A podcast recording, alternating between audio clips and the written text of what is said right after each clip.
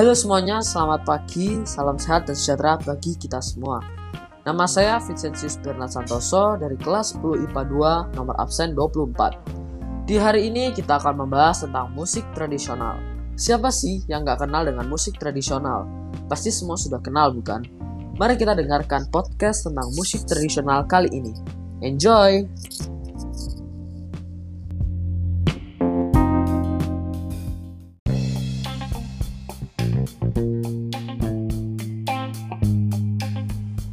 Berikan penjelasan Anda mengapa musik yang diturunkan dari generasi ke generasi bisa menjadi identitas budaya suatu daerah.